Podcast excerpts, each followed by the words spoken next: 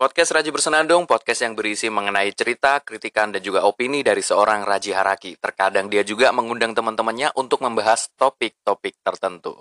Hari ini kita akan membahas mengenai Hari Ibu. Ini pada sadar kan kalau sekarang Hari Ibu? 22 Desember. Ini kadang orang kalau ditanyain Hari Ibu itu kapan nggak tahu loh. Kocak kan ya?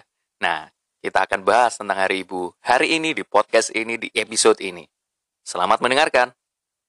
Oh iya, untuk di episode kali ini saya nggak sendirian. Saya ngundang teman saya yang mungkin dia paham lah soal Hari Ibu itu seperti apa gitu. Kita pengen mengungkap nih Hari Ibu itu ada sejarah apa di balik Hari Ibu. Nah, teman saya ini dia tahu kajiannya seperti apa. Selamat mendengarkan. Siniar Raji Bersenandung.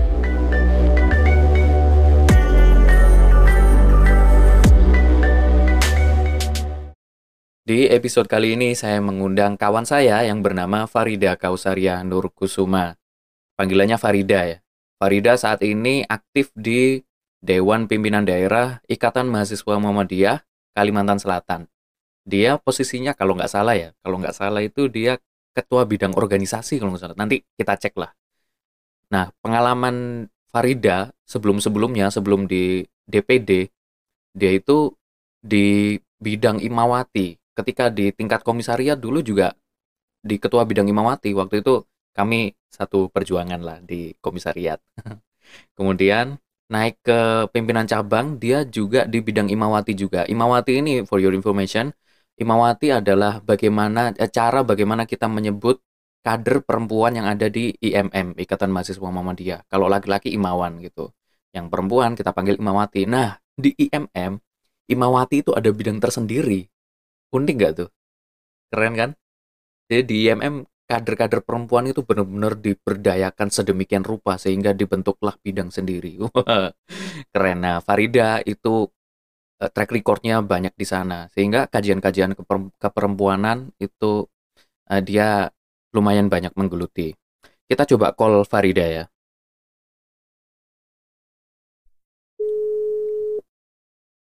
Masih menunggu ini diangkat langsung apa enggak ini? Halo. Halo. Halo, Waalaikumsalam. Aku belum salam. Assalamualaikum. Waalaikumsalam warahmatullahi wabarakatuh. Aduh, gimana Far? Kabarnya gimana kabarnya? Alhamdulillah baik. Gimana Raji? Gimana kabarnya juga? Gini-gini aja aku Far. Aduh, ngepodcast terus. halo. Podcast. Ya, ini Far. Halo pendengar. Halo, hmm, halo. Gimana? Ya, monggo monggo disapa, hmm. monggo. halo pendengarnya Reji Bersenandung ya? Iya, eh. Farida ini kemarin bikin podcast juga, tapi podcast untuk untuk IMM Kalsel ya, DPD ya? Iya bener Ji. Jadi kemarin itu aku sempat bikin podcast buat kegiatan diskusi, dik, diskusi Imawati yang kedua di tingkat IMM Kalimantan Selatan gitu. Hmm. Eh Far, tadi aku bikin ini sih, aku ngomong di pembukaan itu, kamu itu sekarang di bidang hmm. organisasi, bener gak? Bisa. Eh. iya emang. Eh, beneran ini. Memastikan aja. Kamu iya, itu organisasi? Beneran. Kabit organisasi? Beneran. Hah? Iya. Oh. Iya. Kabit organisasi DPD IMM Kalsel. Oke. Berarti aku nggak salah ngomong ya tadi ya? Enggak, nggak salah ngomong. Kirain di Imawati gitu, di Imawati juga. Enggak. Ada di Imawatinya ada temanku. Oh gitu. Nggak apa-apa lah. Sudah dua kali hmm. di Imawati kan ya, ya, Sekali-kali lah. Aduh, udah lupa kayaknya di Imawati. Imawati Aduh. progresif, Imawati progresif. Nah, ini Far. Eh, ingatnya apa? Apanya? Apa-apa? Ingatnya apa? Aku malah ingetnya gini, malah ingetnya apa ya? Cara bikin KTA, ngumpulin data, gitu-gitu sekarang. Oke, itu tugas bidang organisasi itu. Iya, Mantap Aduh. banget. Aku mau ngajakin ngobrol soal hari ibu ini kan gimana ya Boleh. kajian kajian tentang Hari Ibu itu kamu lebih mendalami lah Farah. Aku perlu ini ya. Aku sendiri sih masih perlu bimbingan gitu. Sama juga, aku juga perlu bimbingan. Yang lebih jago tebak siapa? Siapa? Anak anak-anak komisariat. Oh, Mereka tuh udah udah kajian, nggak nggak apa ya? Berarti bedah buku satu aja udah lebih gitu. oh betul Kita itu. mah apa tuh? Betul itu. Iya, aku menyadari kan? proses edukasi di komisariat itu dalam banget. Sehingga kalau mereka ngobrol itu eh, benar-benar mendalami sampai ngebedah eh, beberapa referensi untuk satu topik. Misalkan topik hari tani gitu, pasti dibedah itu referensinya. Dan nggak sembarangan juga kan yang ngasih materi. Mm-mm. Ibaratnya sejarah apa ya? Sumbernya pun nggak sembarangan, jadi bedahnya juga nggak main-main. Iya, betul. Betul banget. Cuma kalau yang sekarang ini yang kita obrolin ini paling nggak kasih gambaran Uh-uh. gambaran permukaannya aja lah. Far gitu. Soalnya gini loh, em, banyak yang menyalahartikan mungkin ya. Tapi tapi aku nggak tahu ini bener apa nggak menyalahartikan ya. Soalnya orang-orang nganggapnya hari ibu itu hari kasih sayang kepada ibu. Nah, sedangkan aku menemukan juga di diskusi-diskusi kita, hari ibu itu bukan hanya sekedar Mhm. kasih sayang kepada ibu gitu loh. Nah, butuh Yep, pencerahan betul. ini, Far. Gimana, Far? Betul banget. Jadi benar nih Ji, kamu yang tadi bilang ibaratnya hari ibu ini bukan hanya hari kasih sayang buat ibu-ibu semata atau calon-calon ibu yang ada di luar sana, tapi memang banyak dan panjang sejarahnya. Kalau mau dikulik sejarahnya nih, Gimana dong? Gimana eh, dong? dari nih dari Kongres Perempuan pertama Mm-mm. Nah, Kongres Perempuan pertama itu pada tanggal 22 Desember 1928. Kenapa tanggal 22 diperingati dari sebagai Hari Ibu? Karena memang memperingati Kongres pertama perempuan kayak gitu. 1928 Nah, itu ya, ah, pas sama Sumpah Pemuda itu ya? sama betul sekali. Sumpah Pemuda kan Oktober ya. Yoi. Nah, betul. Kemudian di tanggal 2 da- 22 Desember ini baru nih ada gerakan perempuan yang memang diinisiasi oleh Nyonya Sukanto, Nyonya Suwandi sama Nyonya Sujatin kayak gitu. Hmm. Jadi mereka ini yang memang me- apa ya, meng- merasa merasa bahwa perempuan ini kayak harus juga bergerak sama kayak pemuda pada saat itu kayak gitu. Walaupun sebuah pemuda kan eh, pemuda dan pemudi ya, tapi Mm-mm. ini lebih khusus kayak gitu. Betul. Nah, di Kongres Perempuan ini mereka itu bikin namanya Kongres Perempuan Pertama Indonesia atau KPI disingkat. Nah, Kongres Perempuan ini mereka menghimpun dari beberapa delegasi organisasinya. Nih, Hmm. sebelum ada kongres tersebut nih, udah Hmm. ada organisasi-organisasi kayak gini nih contohnya. Wanita Utomo, Putri Indonesia, Wanita Katolik, Wanita Mulyo, Aisyah, sama Jong Inslaminten, Bon Dems Afdeling. Jadi sama Wanita Taman Siswa. Nah, mereka ini udah terbentuk sebelum adanya kongres ternyata kayak Oh, gitu. Aku taunya Aisyah ya. Nah, bener banget. Taunya kita Aisyah kan. Betul. Aisyah kan berdiri benar. Muhammadiyah dulu kan berdiri pada 1917 ya. Terus Heeh. muncullah dari itu Aisyah yang memang eh, adanya kekhususan buat organisasi apa ya perempuannya kayak gitu. Hmm. Nah, di Jogja banyak kan di Aisyah. Nah, sisanya, sisanya itu juga yang tadi kayak aku bilang wanita taman siswa itu juga organisasi perempuan dari yang namanya organisasi utamanya taman siswa. Jadi beratnya kayak analogi Muhammadiyahnya juga kayak gitu. Hmm. Mm-mm. Nah, kalau wanita Utomo itu dari organisasi Budi Utomo kayak gitu. Oh, pecahan em, Jadi- bukan pecahan ya, semacam ya kayak tadi tuh kayak. Aisyahnya Muhammadiyah itu. banget kayak gitu analoginya. Jadi memang ada organisasi utama sama organisasi khusus perempuannya kayak gitu. Kalau di HMI itu kayak Kohati gitu ya. Kalau itu kan memang eh, oh iya benar kayak Kohati. Memang karena mereka kan ada lembaganya kan kalau Kohati bener banget. Mm-mm. Nah, aku lanjutin ya. Oke.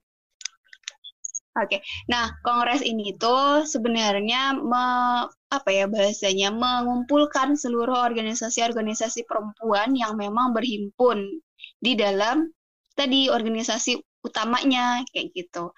Nah, kongres ini muncullah konfliknya. Konfliknya ini masih seputar pada nih uh, persoalan percaya, perceraian, hukum pernikahan dan pendidikan bersama pria dan wanita. Karena hmm. kalau dibayangin nih, ibarat masa zaman 1928, pendidikan itu kan buat perempuan jarang. Ibaratnya yeah. yang lebih diutamakan buat laki-laki. Gitu.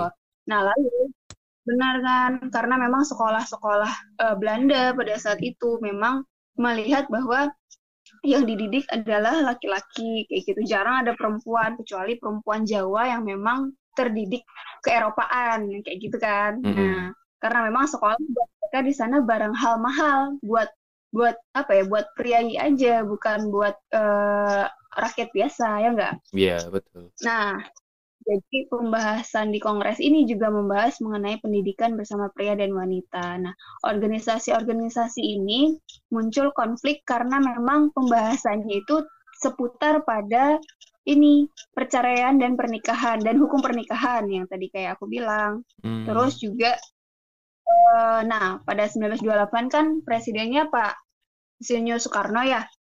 Duh, bukannya nah, masih belum ya? Di 1928.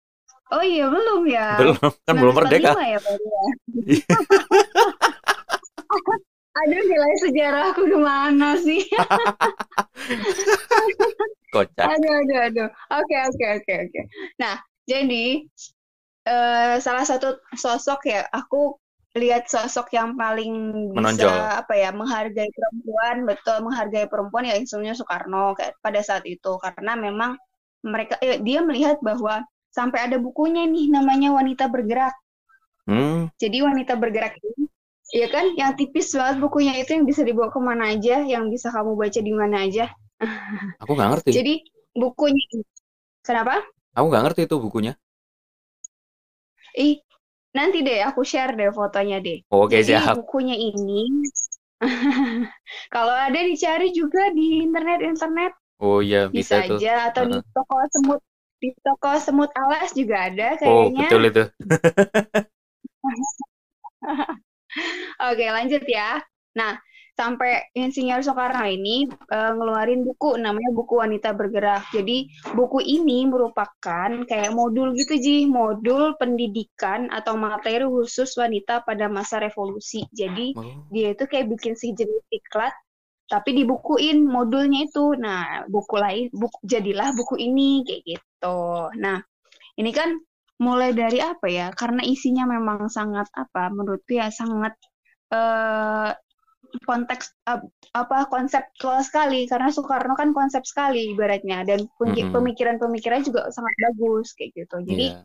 konsepnya Soekarno ini di apa ya uh, disadur atau dilihat atau sebagai contoh pada gerakan-gerakan perempuan. Nah, salah satunya ini ada namanya organisasi yang paling progresif. Nah, indikator progresif di sini kan mereka uh, mampu untuk keluar dari ranah domestik. Nah, oke okay, nanti kita bahas ya ranah domestik. Kita bahas ini dulu organisasi ini dulu. Nah, jadi Betul ibaratnya organisasi yang dibuat eh, sebagai contoh eh, dari pemikiran Soekarno ini adalah namanya organisasi Istri Sedar. Nah, hmm. Istri Sedar ini jadi organisasi yang paling progresif pada masa itu adalah Istri Sedar. Kenapa progresif?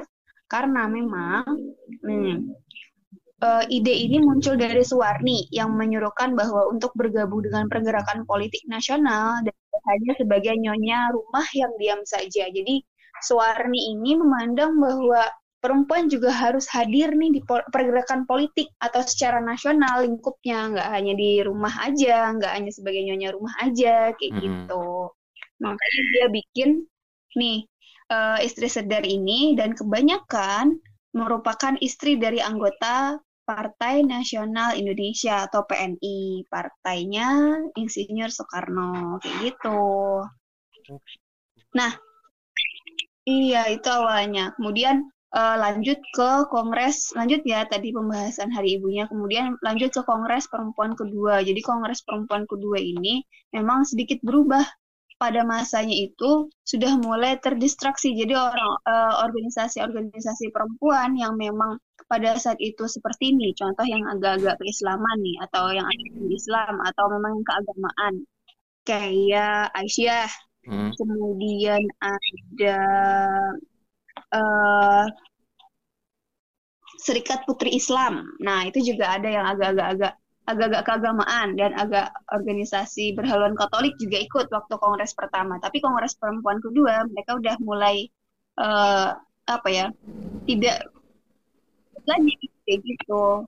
Karena memang sudah mulai berbeda arah juangnya kayak gitu. Nah, kemudian di kongres selanjutnya, kongres perempuan ketiga itu sudah mulai nih eh, di apa ya, dilabelkan tanggal 22 Desember sebagai Hari Ibu. Yang kedua itu ya? Karena memang yang ketiga Ji, Eh, yang ketiga. Yang ketiga. Heeh, Kongres Perempuan yang ketiga baru di situ baru dilabelkan tanggal 22 Desember itu diper- diperingati sebagai Hari Ibu. Nah, kenapa mereka bilang itu Hari Ibu, bukan Hari Wanita, bukan Hari Perempuan, bukan hari apa ya lagi ya istilahnya ya is, eh, Hari Istri semisal. Iya, ke- Kenapa Hari Ibu Heeh, gitu betul. kan? Iya. Nah, ya nggak? Kepikiran nggak? aku aku kepikiran kenapa nggak hari perempuan aja gitu loh. Nah, bener kan? Kenapa nggak hari perempuan? Karena pergerakan perempuan pada saat itu yang masif kan, pada tanggal 22 Desember kayak Mm-mm. gitu. Nah, kenapa nih? Jadi eh, di pada KPI ketiga, kalau aku singkat KPI ya tadi ya, KPI Iya. Kongres Perempuan ketiga ini eh, mengusung konsep ibu bangsa. Jadi beratnya ibu Oh. yang memang bangsa yang asih, asuh bangsa ini dan mereka menyadur itu menjadi Hari Ibu kayak gitu. Ibu bangsa adalah sebutan untuk seluruh perempuan Indonesia yang bertugas melahirkan dan mencerdaskan generasi bangsa kayak gitu. Jadi analoginya ibu tuh seperti itu. Jadi yang diagungkan seperti kalau perempuan kan maknanya kalau perempuan kan maknanya hanya jenis kelamin yang memang ada yang pandangan dalam dalam tanda kutip eh, jenis kelamin kedua gitu kan dalam tanda kutip. Kemudian kalau ibu dia lebih eh, apa ya nilai dalam katanya itu lebih tinggi daripada perempuan kayak gitu, Hmm. lebih berharga maksudnya. Iya. Hmm. Jadi gitu, kenapa ibu? Kemudian, nah pada itu di- sempat dirayakan, ibaratnya sempat menjadi sebuah pergerakan, sebuah apa ya, sebuah perayaan untuk Hari Ibu yang memang benar-benar memperingati pergerakan perempuan pada tanggal 22 Desember 1928. Kemudian bergeser pada masa Orde Baru nih.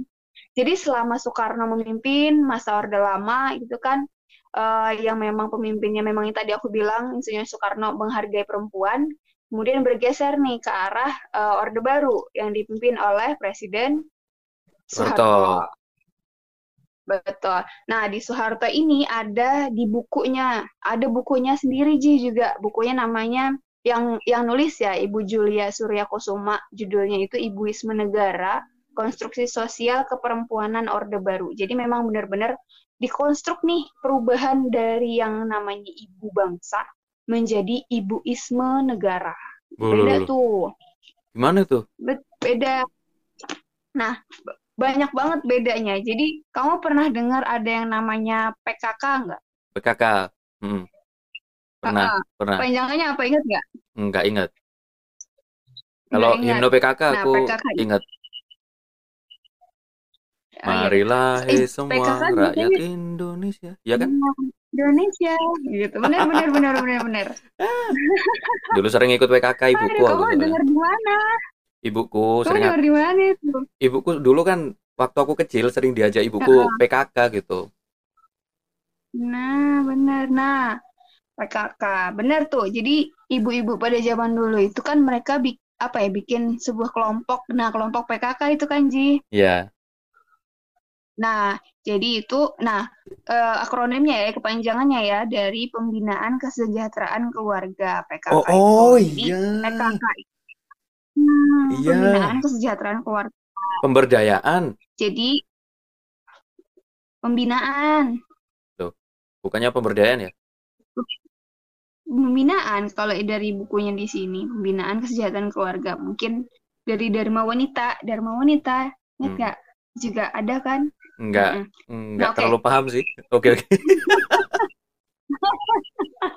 Oke, oke, oke. Nah, sambil ya kita sambil nih, lanjut nih. Jadi, ibaratnya istilah yang tadi balik lagi dari ibu negara menjadi ibuisme negara, ada tambahan isme nih di setelah ibu. Jadi isme itu kan merupakan kalau kita apa ya uh, analogi uh, ibaratnya dari definisi isme kan sebuah aliran ya.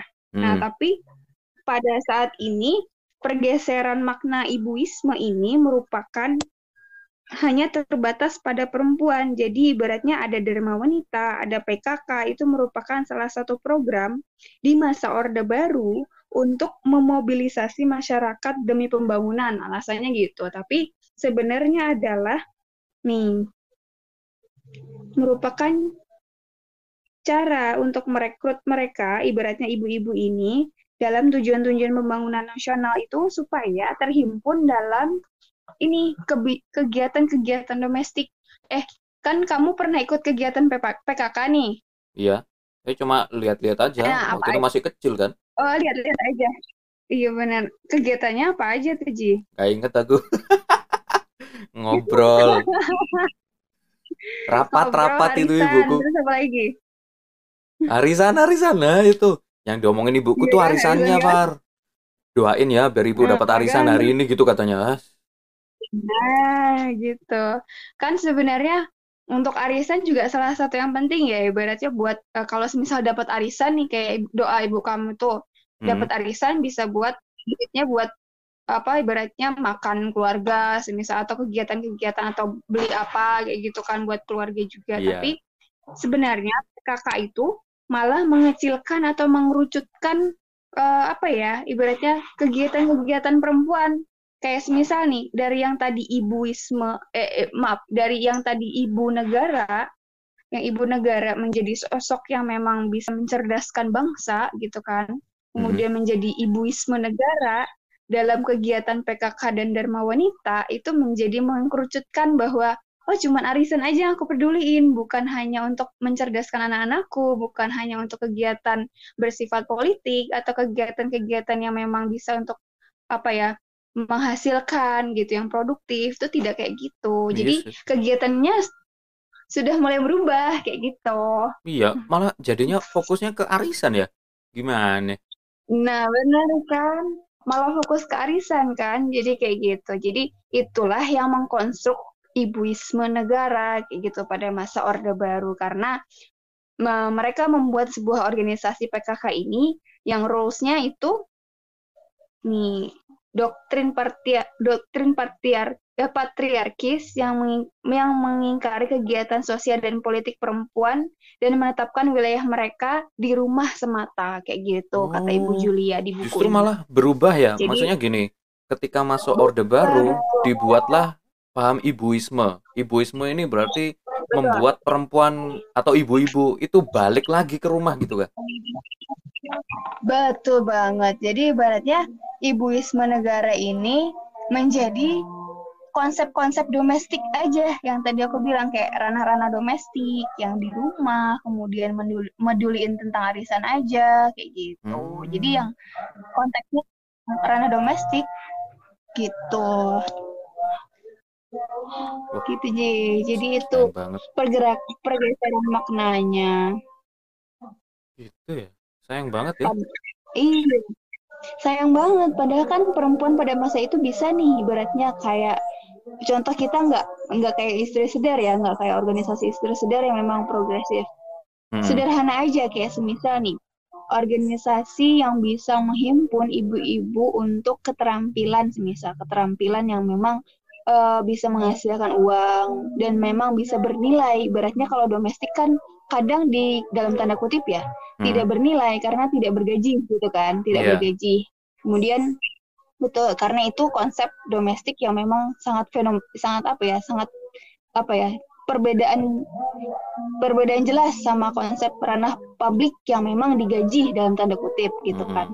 Kemudian di sini yang menjadi sorotan adalah uh, pergeseran makna perempuan tadi dan hari ibu tadi kayak gitu. Dan perayaannya sampai ke sekarang itu hanya sekedar memberikan rasa kasih sayang ke ibu, kasih bunga, kasih coklat, kemudian ibunya nggak nggak boleh masak sehari aja kayak gitu. Padahal sebenarnya yang yang menjadi hakikat adalah nih kalau dalam di awal ya hakikat di awal di hari ibu itu mereka bahwa perempuan itu juga bisa berhimpun menjadi satu organisasi atau satu kumpulan organisasi yang memang bisa apa ya ter uh, bisa memperjuangkan apa kepentingan perempuan juga dan kepentingan negara dan bangsa kayak gitu di kongres perempuan itu.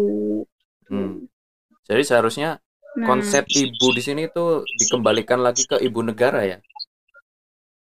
Betul banget ke ibu negara atau ibu bangsa sih. Ibu bangsa ibu bukan bangsa negara, sorry. Kalau ibu negara kan istrinya presiden.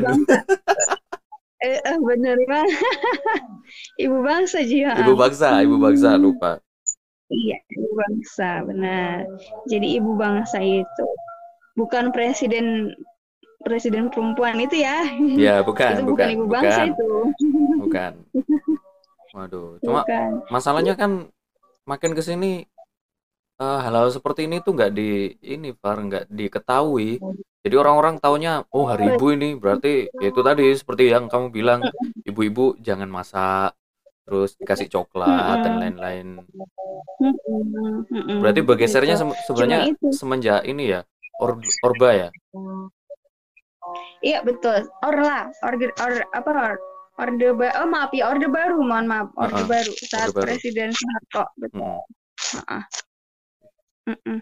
Gitu.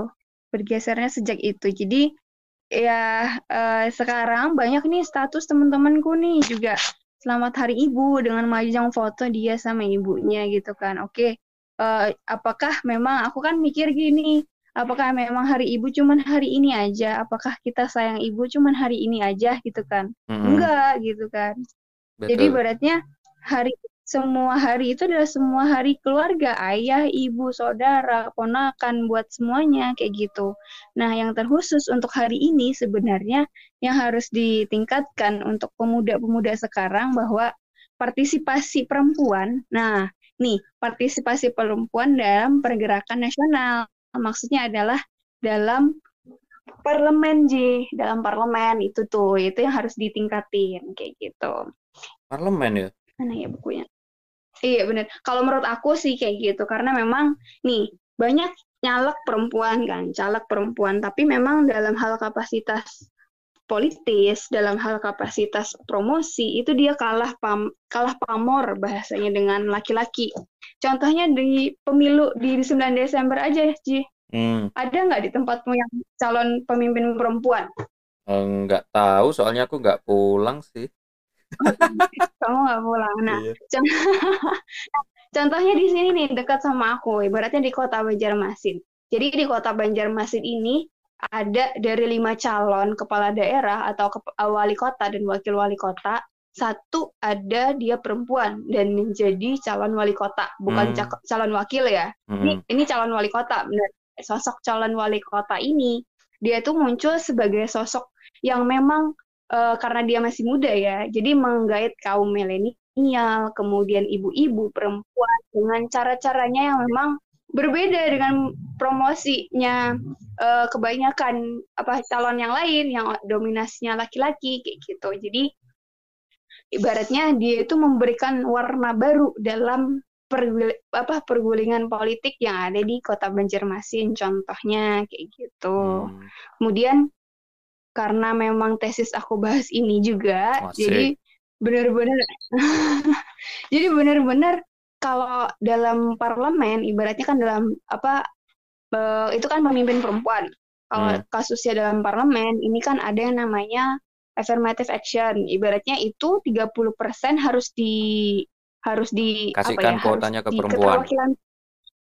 Betul, keterwakilan perempuan dalam apa mencalonkan atau dalam apa pemilihan politik kayak gitu. Nah, mm -hmm. di sini yang memang diajukan atau yang nama-nama perempuan yang diajukan itu untuk memenuhi kuota aja, bukan berdasarkan kualitas kayak gitu. Waduh. gitu. Jadi harus ada benar, jadi harus ada pendidikan politik khusus buat perempuan di partai-partai itu sebenarnya Ji. Betul, betul. Kalau aku pelajari di sosiologi hmm. politik harusnya gitu sih. Partai politik ini harus me melakukan edukasi politik, tapi ngerekrut kader yang perempuan juga. Nah, perempuan ini dididik dididik Betul. sedemikian rupa biar nanti bisa memenuhi kuota 30% itu tadi.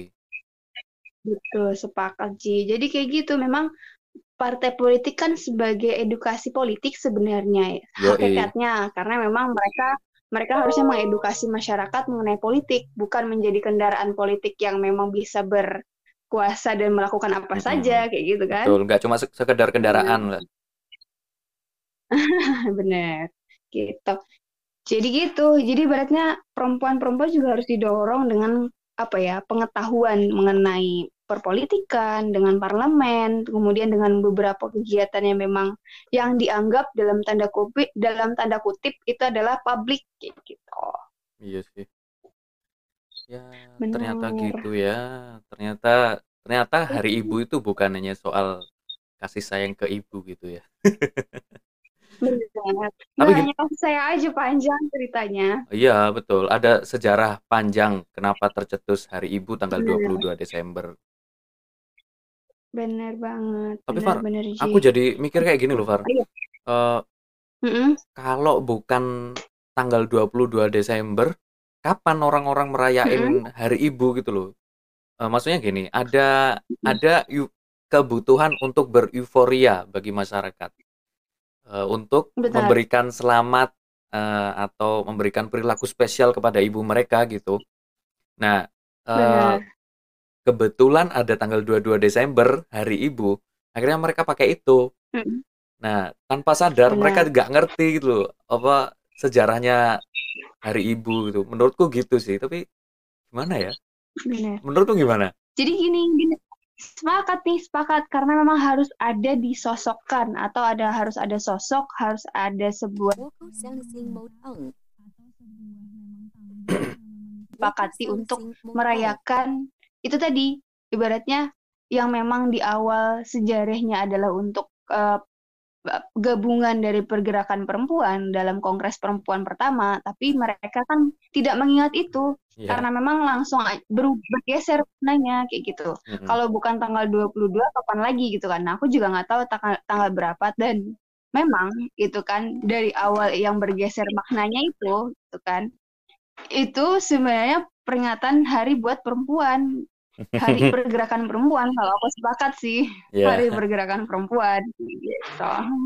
harusnya dibikin gitu aja ya, tapi nggak apa-apa lah. Harusnya gini, karena sudah terlanjur ditetapkan ditetapkan sebagai Hari Ibu, kayaknya kita perlu memperbanyak edukasi ke orang-orang kalau Hari Ibu itu tidak sesederhana hari kasih sayang kepada ibu, tapi hari untuk mengingat perjuangan perempuan dan juga hari untuk ibu bangsa.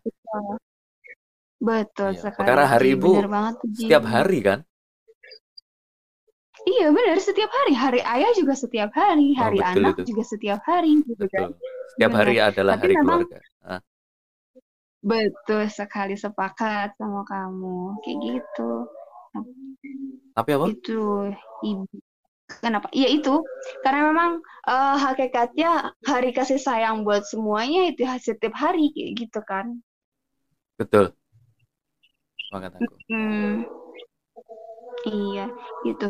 Jadi misalnya kalau sedikit nih nambahin, Hah? eh, hari ibu juga buat aku bukan sebatas pada kasih sayang ibu yang memang sangat berlebihan. Ibaratnya bahkan ayah juga sangat lebih sekali dengan kasih sayang itu. Jadi eh, hari ibu ini kita coba untuk merefleksikan apakah nanti kita atau teman-teman kita atau adik-adik kita yang berjenis kelamin perempuan yang memang yang didorong oleh laki-laki yang sama-sama ibaratnya jenis jenis kelamin juga ibaratnya perempuan-perempuan ini yang memang sanggup ke depannya untuk menjadi sosok ibu bangsa tadi kayak gitu. Gimana caranya kayak gitu. Betul. Ibu bangsa itu kayak gimana, Far, Mm-mm. berarti?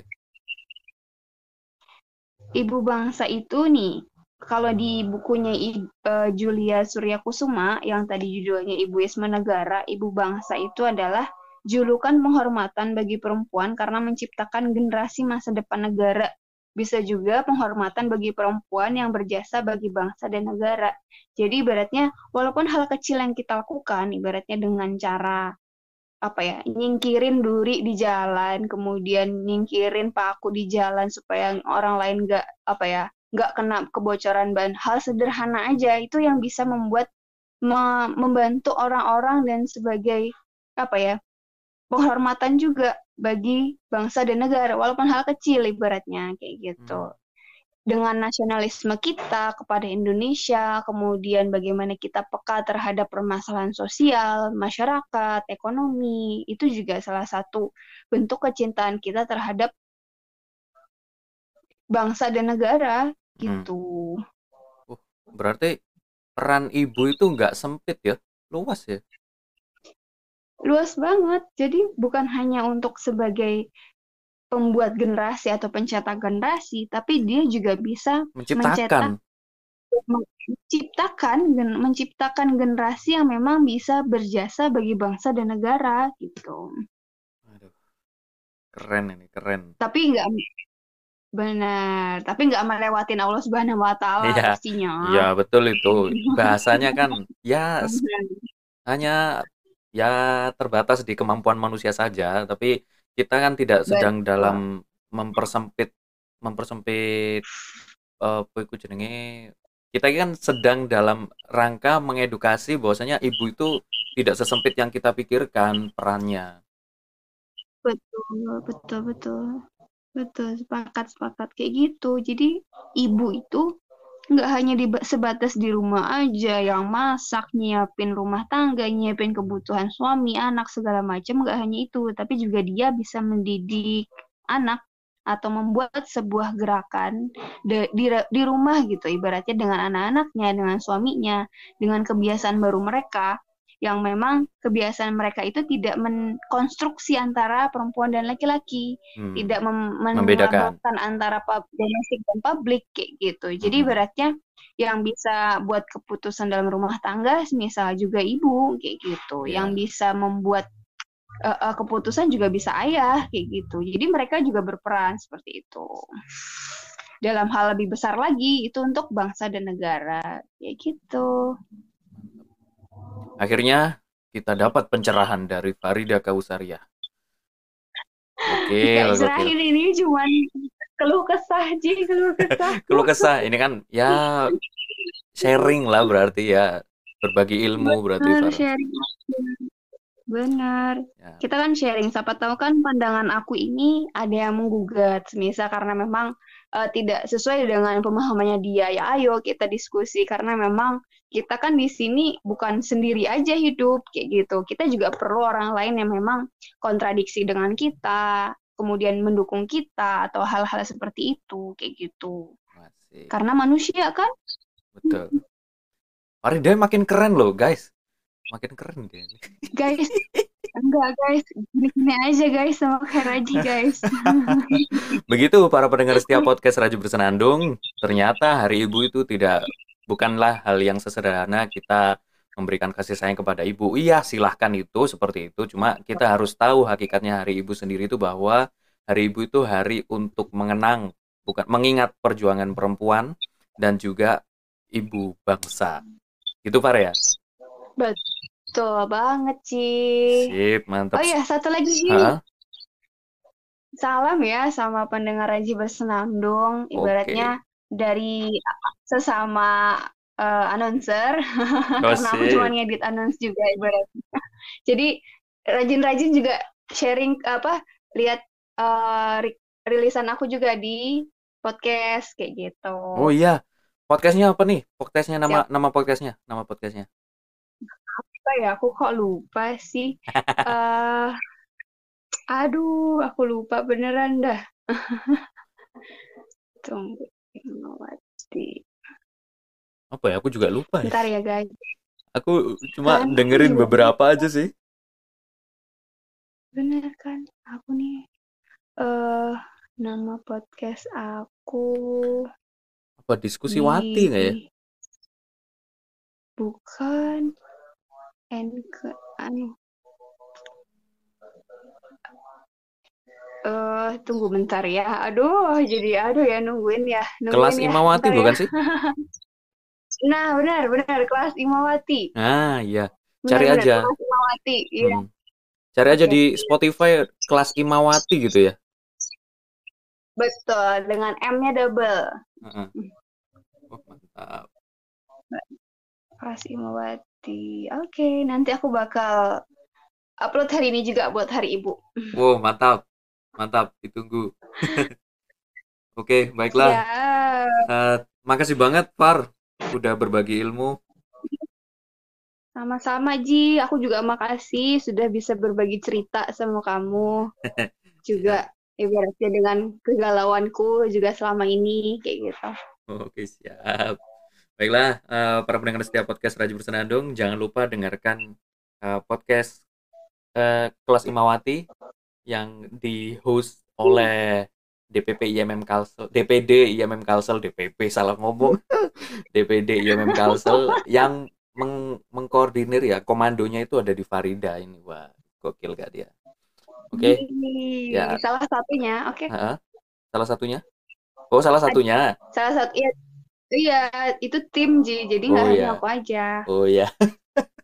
Oke. Eh, jangan lupa follow Instagramnya Farida. Far, Instagrammu aktif nggak? Aktif. Instagramku aktif kok. Oke. Eh, Farida F A R I D H A K A U T S A R Kautsar Farida Kautsar Farida Kausar. Faridanya ada hanya jadi DHA. Farida Kausar. iya betul Mantap. Jangan Betul. lupa dengarkan podcast Kelas Imawati dan follow Instagramnya Farida Kausar ya di @faridakausar. Terima kasih. Sampai jumpa di Yeay. episode berikutnya. Makasih, Far. iya makasih Ji salam Oke. buat Raji bersenandung dan keluarga ya Oke, thank you banget. Salam buat Zaki. eh iya oke Yeay, Assalamualaikum. Waalaikumsalam warahmatullahi wabarakatuh